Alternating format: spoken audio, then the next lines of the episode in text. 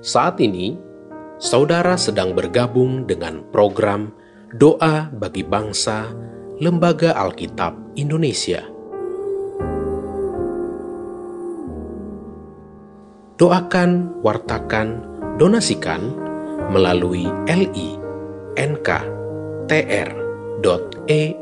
slash alkitab.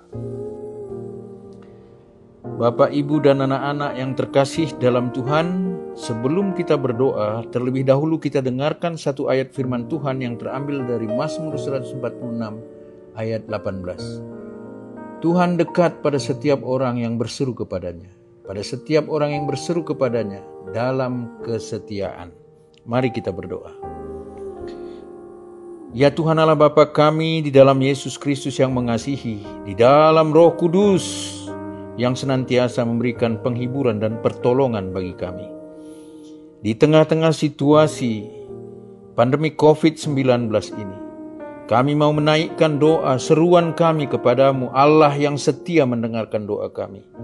Kami mau berdoa buat pemerintah kami yang kami lihat dalam kesungguhannya untuk menangani, mengatasi pergumulan yang berat ini. Bagaimana pemerintah kami berusaha untuk memutus rantai, menemukan vaksin COVID-19. Begitu juga menjaga stabilitas perekonomian, politik, sosial di negara kami. Kami melihat bagaimana tantangan Bapak Presiden kami Kiranya Tuhan memberikan kekuatan kesehatan, hikmat bagi segenap pemerintah kami untuk mengatasi pergumulan yang berat ini. Kami mau berdoa juga buat gereja-gereja. Biarlah gereja-gerejamu ya Tuhan di tengah-tengah dunia ini, khususnya di Indonesia, bisa juga menjadi sahabat bagi setiap orang yang menderita. Biarlah gereja-gereja Tuhan memperlihatkan identitasnya sebagai utusan Kristus untuk menjadi berkat, untuk ikut merasakan bagaimana penderitaan-penderitaan masyarakat.